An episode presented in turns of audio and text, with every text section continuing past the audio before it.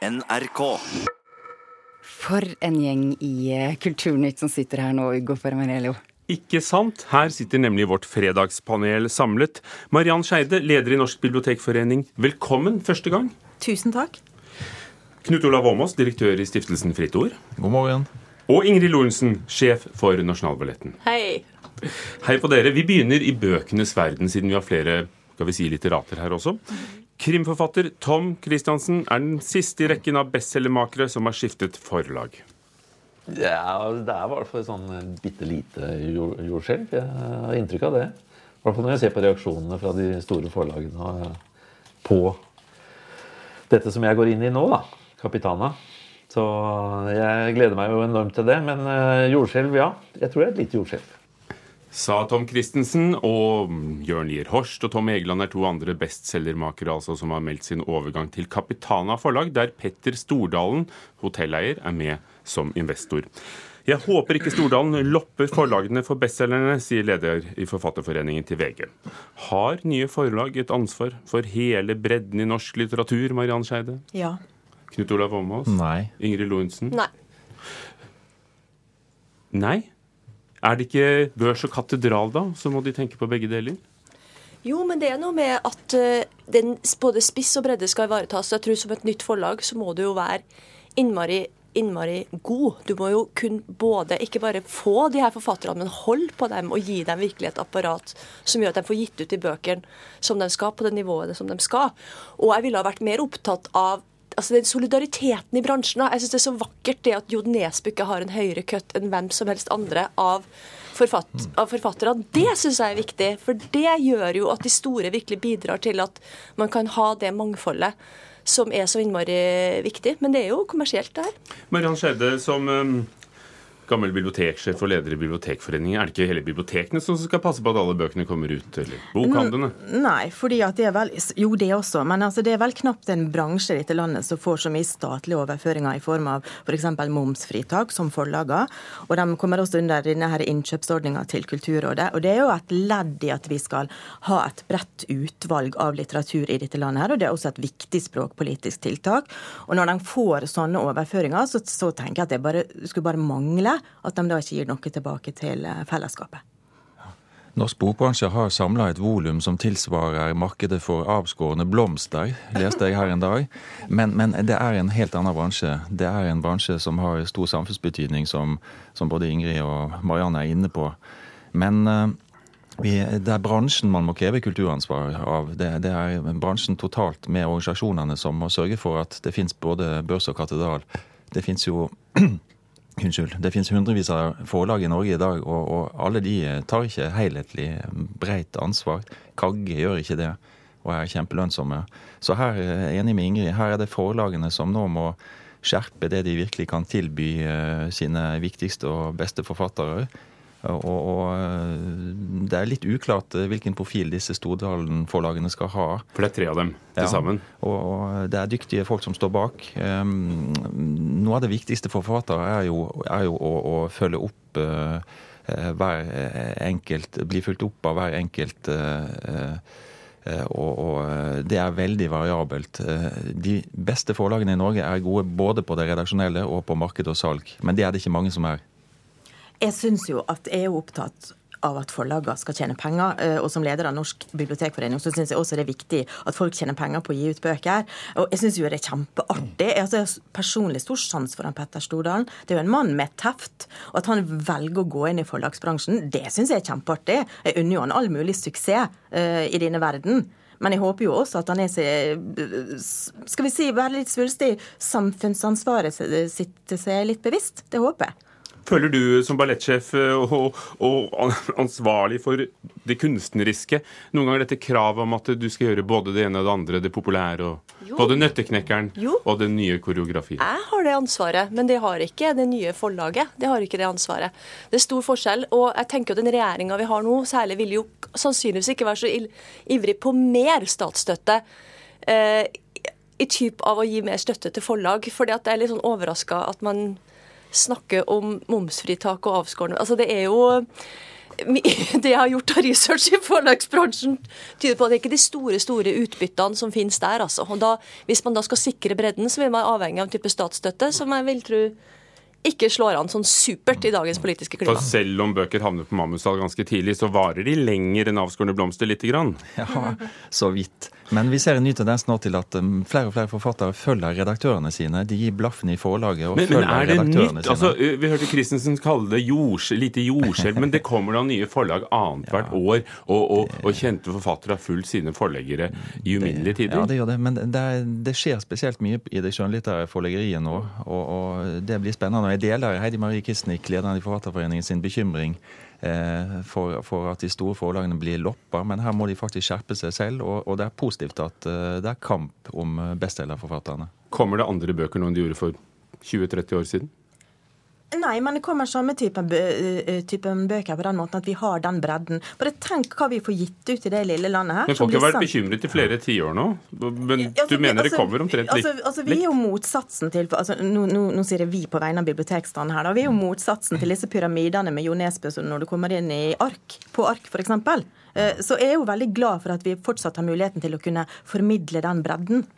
Men Norge er en idyll av et bokmarked. Vi er et himmel av et lesende land. Det fins knapt det land som har et så privilegert litterært system som Norge. Takk skal dere ha. Vi slutter med ordet idyll. Det er en fin overgang. Eh, Vi liker nemlig ordene våre, og kanskje har vi en spesiell forkjærlighet til uttrykk som er på vei over i historien. En båndsalat? Nei, ikke peiling. Nei, det har jeg aldri hørt om, tror jeg. Det var den våte, kjipe salaten som ligger igjen i bunnen. Båndsalat er for alle oss som har levd en stund, som vet det som skjer når en kassett eh, går amok inn i kassettspilleren, eller et, et gammelt, eh, stort eh, lydbånd f.eks. Nok en bok er på vei med glemte ord og uttrykk. Da vi omtalte denne i NRK tidligere i uken, så fikk vi hundretusener av lesere og titusener som tok en spørreundersøkelse om de husket hva f.eks. koljomfru eller øyensverte er. Mister vi en del av oss selv når ord går ut av bruk, Ingrid Lorentzen? Nei. Knut Olav Åmås? Ja. Mariann Skeide? Nei. Jeg syns at ord går ut av bruk. De blir jo ikke borte. Du kan jo grave dem fram. Du kan jo økologisk graving etter ord. Jeg synes Det er mange ting som bekymrer meg atskillig mer. At arter dør ut, syns jeg er verre enn at ord og uttrykk dør ut, f.eks. Og så er det heller noe at man kan stikke hodet ned i det her og liksom kjenne på smaken av et ord som sambandsstatene. Det er sånn, Vi kan snakke om vintage-ord, da, så det kan jo bli populært at du kan gå spesielle steder og virkelig kos deg med det, en, gå og stikke hodet inn i en annen tid. Men ellers så speiler det jo samfunnet på alle måter. Vi er et annet sted, og vi har eh, jeg syns det er helt greit at man ikke snakker om løse kvinner for lenge. lenge. Eksempel, hva er det? En ikke fastmontert kvinne? Nå vil ikke jeg lure deg opp i stry, Knut Olav Åmås, men er det, er det færre ord som blir borte fra nynorsk enn fra bokmål? Ja, mm, det veit jeg ikke. Men du skjønte hva jeg mente selv med jeg sa stry? Men det er mange år siden folk brukte stry til, som isolasjonsmateriale. Ja vel. Aha. For det er veldig klebrig og vanskelig å komme ut av, visstnok. Men altså, jeg, jeg svarte ja, vi mista en del av oss selv, men jeg er ikke så veldig bekymra. Altså, jeg blir jo litt begeistra hver gang noen bruker ordet herreekvipering. Eh, eller manufaktur. Eh, men, men, eh, men poenget mitt er at språk er kommunikasjon, men det er også identitet, og det forteller mye om hvem vi er og har vært og vil være.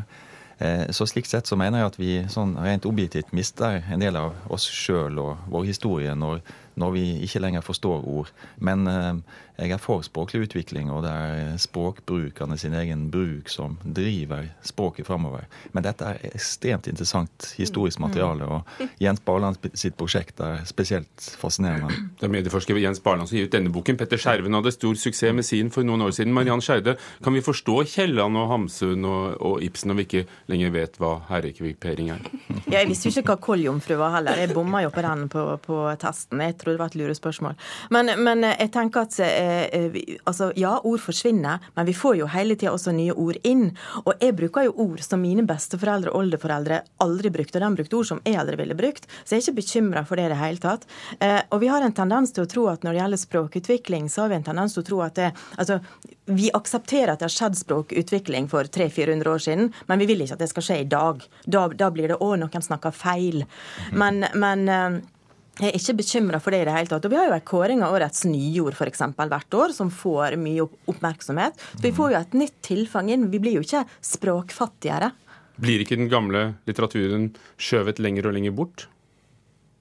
Ja, kanskje. Men, men, det er veldig mye å lære om kultur og samfunn ved å, ved å se på også det nære, tapte språket, altså. Båndsalat. Så hører jeg at et ord som allmue ikke lenger funker på Wordfeud. Og det, det er jo, da er det jo på tide å våkne, for det er jo alvorlig. Vi vekker alle som hører. Festspillene i Bergen provoserer igjen, i år med performancekunst performance om prostitusjon. En dansk kunstner og skuespiller sitter på et rom og mottar publikum, som er seks kunder. Kvinnegruppa Ottar Anestø har reagert i Dagsnytt 18. Dette er helt åpenbart eh, ikke bare kunst. Eh, man eh, glorifiserer og legger til rette for en kynisk industri som misbruker kvinner. Har Festspillene gått for langt, Mariann Skeide? Nei. Knut Olav Åmås? Nei. Nei. For en liberal gjeng. Hvorfor ikke?